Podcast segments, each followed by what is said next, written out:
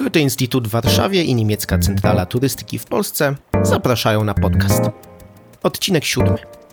Rowerem wzdłuż granicy polsko-niemieckiej. Herzlich willkommen zu einem Podcast des Goethe-Instituts Warschau und der Deutschen Zentrale für Tourismus in Polen. Folge 7. Mit dem Fahrrad die deutsch-polnische Grenzregion erkunden. To jest podcast Goethe Instytut w Warszawie i Niemieckiej Centrali Turystyki w Polsce. Ja nazywam się Marcin Antosiewicz, a bohaterem odcinka jest Szymon Nitka, turysta rowerowy i narciarski, autor popularnego bloga podróżniczego znajkraj.pl. Dzień dobry. Kłaniam się, dzień dobry. Panie Szymonie, zdaje się, że ten sport i pasja, którą pan uprawia, nazywa się Adventure Travel. Po niemiecku byśmy powiedzieli Reiseabenteuer, a po polsku chyba podróż przygodowa, nastawiona na przygodę. Skąd rower, skąd podróże i skąd taki pomysł na życie? To tak mnie nauczyła szkoła, szkolne koło krajoznawczo-turystyczne, gdzie zaczynałem moją przygodę z turystyką. I z czasem ten rower wyrósł na taki najbardziej praktyczny sposób e, zwiedzania, najbardziej praktyczny sposób podróży po świecie, czyli taki, który pozwala rzeczywiście i oglądać świat, ale też jest okazją do ruchu, do aktywności na świeżym powietrzu. A kiedy pan miał swój pierwszy rower, pamięta pan?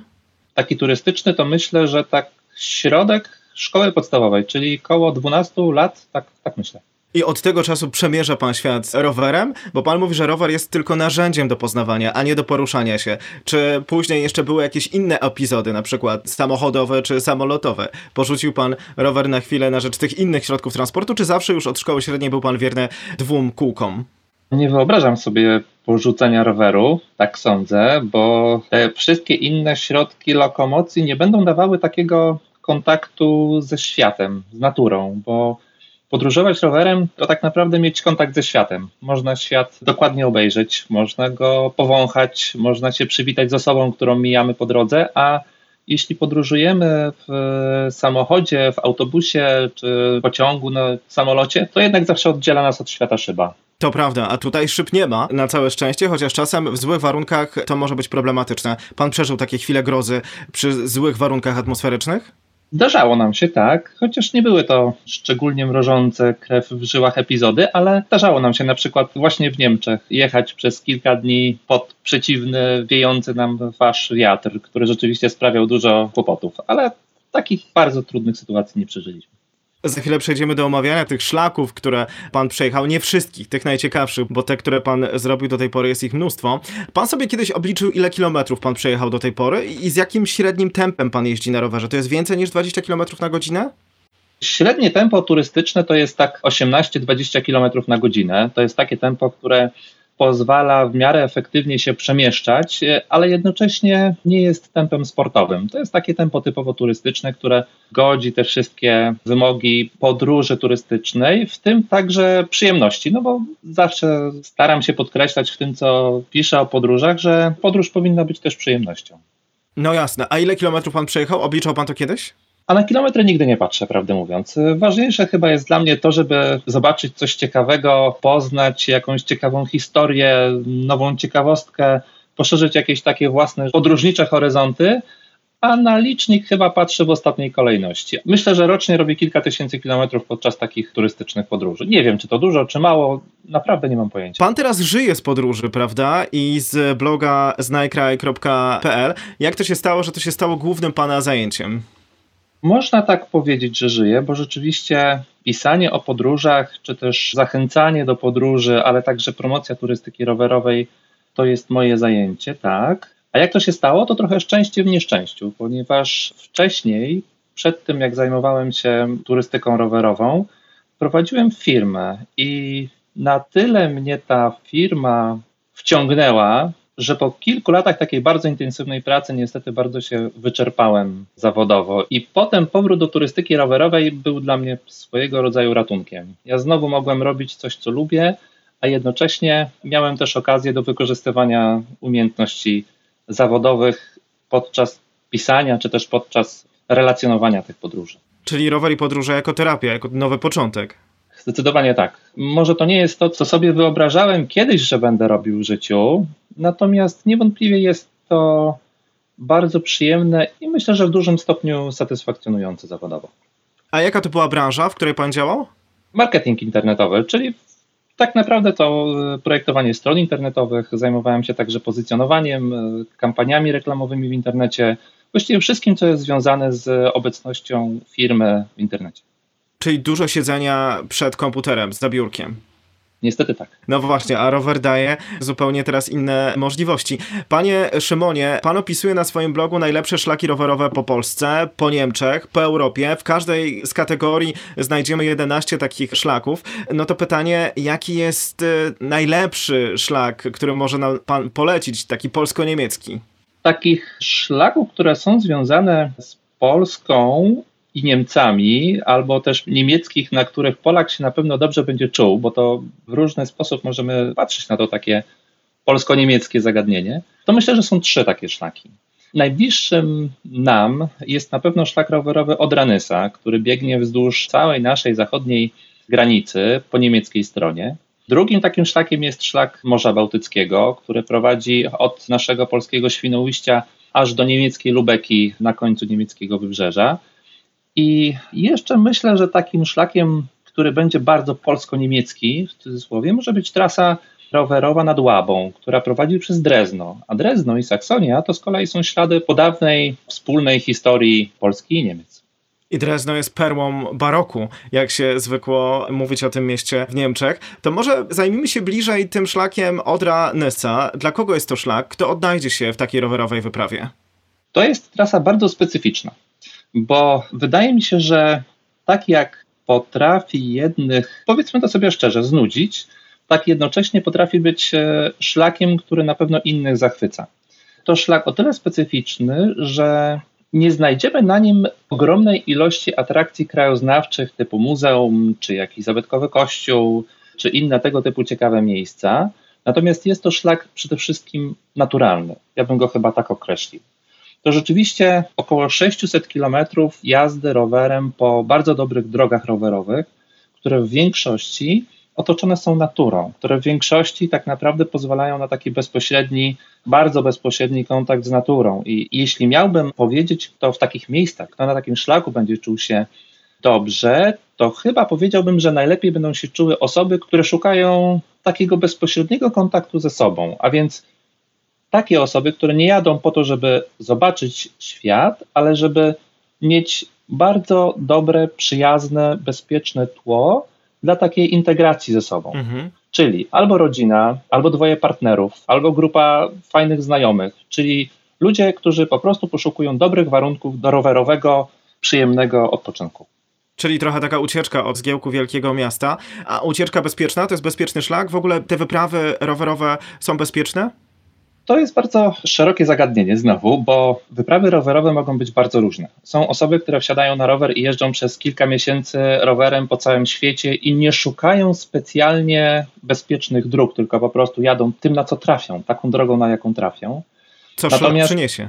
Co takie podróżnicze życie przyniesie, tak jest. Ale turystyka rowerowa potrafi być też bardzo bezpieczna, potrafi być zupełnie czymś innym, czyli właśnie czymś takim, jak jest szlak rowerowy od Renysa. A więc trasą, która prowadzi w absolutnej większości po separowanych drogach rowerowych, czyli takich, na których jesteśmy wyłącznie my, nasi znajomi i nasze rowery. Nie ma samochodów. I to jest to bezpieczeństwo, które uważam, że szczególnie przyda się właśnie rodzinom. A jeżeli tam nie ma muzeów, nie ma jakichś zabytków na tej trasie, no to rozumiem, że jest przyroda. Jakby pan ją określił? Co można zobaczyć na tym szlaku od Renysa? Przyroda nad Odrą i nad Nysą jest e, o tyle specyficzna, że wydaje mi się, że jej bogactwo wzięło się tak naprawdę z kwestii właśnie geopolitycznych. To znaczy, kiedyś, e, jeszcze kilkadziesiąt lat temu, granice były obszarami, które były szczególnie strzeżone, dookoła których panował mniejszy ruch, e, gdzie było mniej osad ludzkich, gdzie mniej osób się pojawiało, bo miało świadomość tego, że gdzieś tam znajduje się strażnik graniczny, który będzie nas zniechęcał do obecności w danym obszarze. I to wszystko wykorzystywały przede wszystkim zwierzęta. I dlatego jadąc szlakiem od Renysa możemy spotkać albo wilki, które żyją na tamtym obszarze. Wilki. Pan wspomniał wilki na tej trasie też? Tak, ja rzeczywiście jadąc jeszcze w saksońskiej części trasy od Renysa, w pewnym momencie zobaczyłem e, na polu, jeszcze nie wiedziałem, że to są wilki, po prostu dwa obiekty, które się poruszały. Na początku wziąłem je za psy. Natomiast jak tylko podjechałem dalej, okazało się, że rzeczywiście były to dwa wilki. Jeden większy, drugi mniejszy. Być może był to basior z waderą, czy też y, może dorosły wilk z młodym. Trudno mi to powiedzieć. Nie wiem, bo ten kontakt był na tyle krótki, że ja nie zdążyłem się zorientować tak naprawdę. Jeden z tych wilków zdążył przebiec przede mną, bo tak akurat się złożyło, że one biegły w stronę mojej drogi. Jeden z tych wilków zdążył przebiec przede mną, drugi się zatrzymał, taki trochę zdezorientowany, pozwolił mi przejechać i dopiero przebiegł przez tą drogę, jak ja już pojechałem, czyli za moimi plecami. Tego drugiego wilka właśnie udało mi się sfotografować. I to jeszcze była o tyle ciekawa sytuacja i taka emocjonująca, że najprawdopodobniej te właśnie wilki pojawiły się na moim noclegu. Bo mhm. tego samego dnia. Te same? Ja tego nie wiem, ale podejrzewam, że tak, bo podejrzewam, że to były po prostu wilki, których to był rewir, których to był obszar, w którym e, żyją. Po tym, jak około kilometra, może półtora kilometra dalej rozłożyłem namiot na nocleg, to tuż przed snem wziąłem latarkę i poświeciłem dookoła. Po prostu tak poświeciłem dookoła mojego namiotu wszędzie. I w odległości około 50-60 metrów, ja to dokładnie potem sprawdziłem na zdjęciu satelitarnym Google, także jestem pewien tej odległości, to nie jest przesadzona mhm. e, sprawa. Rzeczywiście w odległości około 50-60 metrów na skraju lasu, bo rozbiłem namiot na polanie, świeciły się dwie pary takich żółtawych, może lekko pomarańczowych oczu, które były wpatrzone we mnie. I stałem tak przez kilka minut, świeciłem i widziałem, że te oczy cały czas obok siebie stały. Czasem tak delikatnie widać było, jak ten zwierzak pochyla głowę, jak patrzy, może wącha, może szuka mojego zapachu w powietrzu. I nie bał się pan? I nie nazwałbym tego strachem. To był raczej taki respekt przed naturą, taka mhm. ekscytacja takim bliskim kontaktem ze zwierzakiem, który jest bardzo inteligentny. Ja chyba mam sobie takie zaufanie do natury, do zwierząt i ja w tym momencie czułem się taki raczej przez te wilki pilnowany, a nie zagrożony. Ja wiedziałem, że ja jestem gościem w ich rewirze. Ja wiedziałem, że wilki są ciekawymi zwierzakami, że one przyszły zobaczyć, co ten człowiek tutaj robi, co on tu chce od nas, dlaczego on rozkłada namiot na naszej polanie. I to był raczej taki wewnętrzny dialog z tymi zwierzakami. No, fantastyczna chwila. Szymonitka i spotkanie z wilkami. Dobrze, że to się tak wszystko dobrze zakończyło. A trasa muru berlińskiego, co pan może nam o niej powiedzieć? Pan także ją przejechał, to jest taka trasa historyczna. Mur berliński, jak wiemy, upadł w listopadzie 1989 roku. No i to wydarzenie mogło otworzyć tak naprawdę nowy rozdział w historii polsko-niemieckiej. Co znajdziemy na tej trasie? Tam jest tylko historia właśnie, polityka, czy można coś odkryć, czego z punktu widzenia polskiego byśmy się w ogóle nie spodziewali na tej trasie?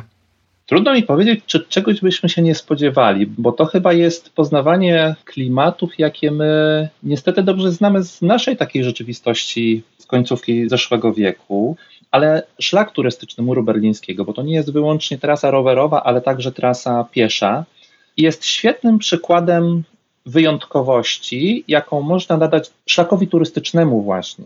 Mnie w tej sytuacji najbardziej zachwyca to, że ktoś wpadł na pomysł, by właśnie połączyć takie bardzo wyjątkowe, bardzo unikalne tło historyczne, bo przecież drugiego takiego miasta w taki sposób żyjącego przez wiele lat, jak Berlin, czy też jak Berlin Zachodni, może tak, nie znajdziemy. I ktoś potrafił połączyć to wyjątkowe tło turystyczne z aktywnością rowerową, sprawiając, że jest to tak wyjątkowe przedsięwzięcie turystyczne, które właśnie łączy tą aktywność na rowerze, aktywność na świeżym powietrzu z poznawaniem świata po prostu. No, dla mnie to jest to idealne zestawienie, bo ja zawsze właśnie w taki sposób patrzę na turystykę rowerową, że rower ma jednocześnie pomagać być zdrowszym, sprawnym, a jednocześnie ma pokazywać świat. Ma być właśnie tym narzędziem do oglądania świata.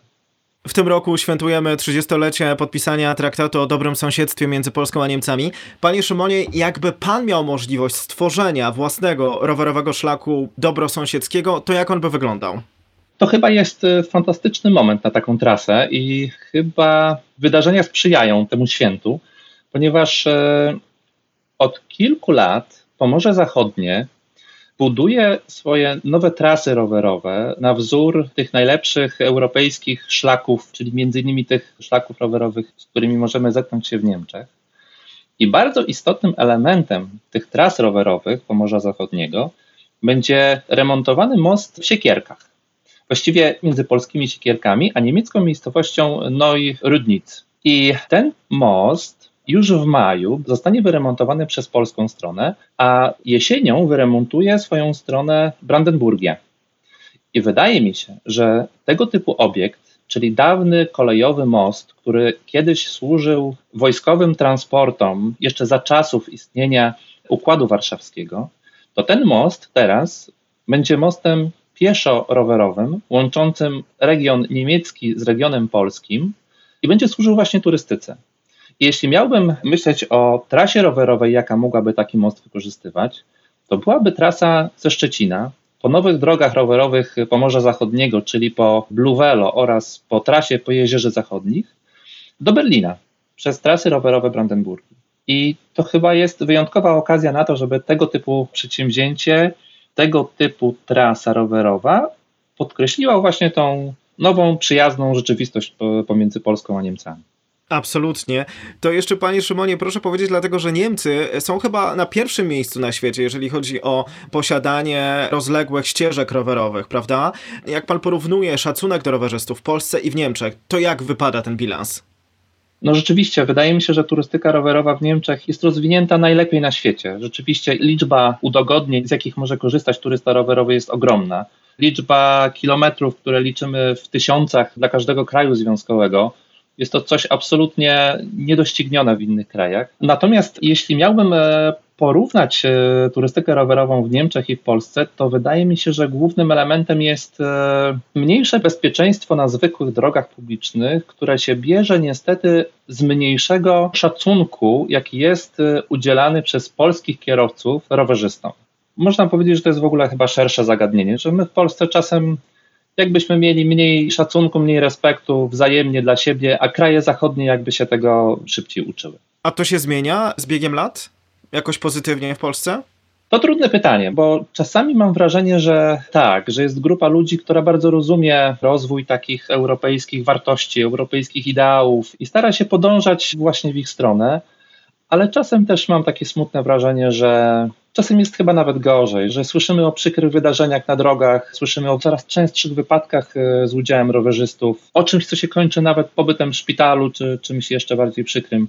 Więc no trudno powiedzieć. Panie Szymonie, Niemcy faktycznie mają tak wiele szlaków rowerowych. Może też dlatego, że oni często mówią, że das Fahrrad ist der beste Fettkiller, czyli że rower jest najlepszym zabójcą tłuszczu, kalorii. Czy pan to potwierdza? Bo wy tak dużo jeździcie na rowerze, mówię wy, pan głównie z pańską żoną jeździcie razem, no to rozumiem, że wy kardiologa i dietetyka nie odwiedzacie, nie oglądacie w ogóle.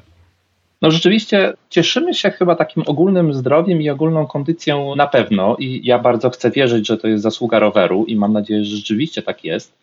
Aczkolwiek z tym spalaniem tłuszczu to wcale nie jest taka oczywista sprawa, bo rower jest też okazją do poznawania tego świata od tej kulinarnej strony.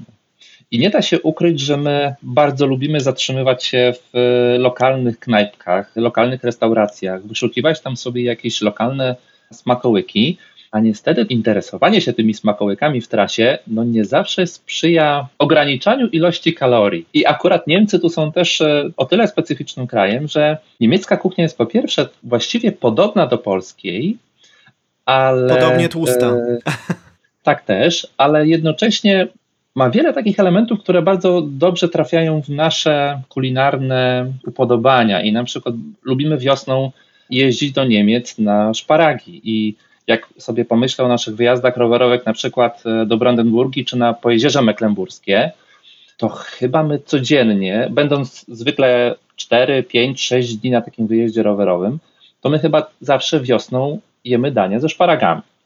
Jak jesteśmy nad Morzem Bałtyckim, to zawsze jemy owoce morza, bo po prostu lubimy ryby i wszelkiego podobnego rodzaju inne dania. A proszę jeszcze powiedzieć na sam koniec, czy pandemia jakoś znacznie wpłynęła na pana życie rowerowe, czy właśnie nie? Bo rower jest dość takim no, indywidualnym środkiem transportu i nawet w tych trudnych, dziwnych czasach można z niego korzystać. No na szczęście jakoś się bronimy. To znaczy, z jednej strony bardzo staramy się uważać i unikać zagrożenia, a z drugiej strony staramy się patrzeć trzeźwo na problem i staramy się nie zmieniać naszych przyzwyczajeń, to znaczy nie pozwolić pandemii wpłynąć na tyle na nasze życie, by rzeczywiście bardzo je zmieniła. To znaczy, planujemy wyjazdy jak zawsze. W zeszłym roku ponad miesiąc podróżowaliśmy rowerami po Europie. Były to i Niemcy, i Szwajcaria, i na koniec Austria. I udało nam się rzeczywiście y, podróżować, nie narażając się na żadne przykre zdrowotne konsekwencje. I mamy nadzieję, że podobnie będzie w tym roku. W tym roku mamy w planach również i Niemcy, i Austrię, i jeszcze inne państwa, inne regiony, które jeszcze staram się dograć lepiej. Szerokiej drogi. Czy tego też się życzy rowerzystom, czy tylko kierowcom? Życzy się jak najbardziej, ale chyba takim najbardziej praktycznym życzeniem to jest wiatru w plecy, bo wiatr w twarz nigdy nie jest przyjemny. A zatem wiatru w plecy, szerokiej drogi i przyjaznych wilków. Wszystkiego dobrego. Dziękuję za rozmowę, panie Szymonie. Dzięki, dziękuję. Wszystkiego dobrego, dużo zdrowia. To był podcast Goethe-Institut w Warszawie i niemieckiej Centrali Turystyki w Polsce. Das war ein Podcast des Goethe-Instituts Warschau und der Deutschen Zentrale für Tourismus in Polen. Thank you.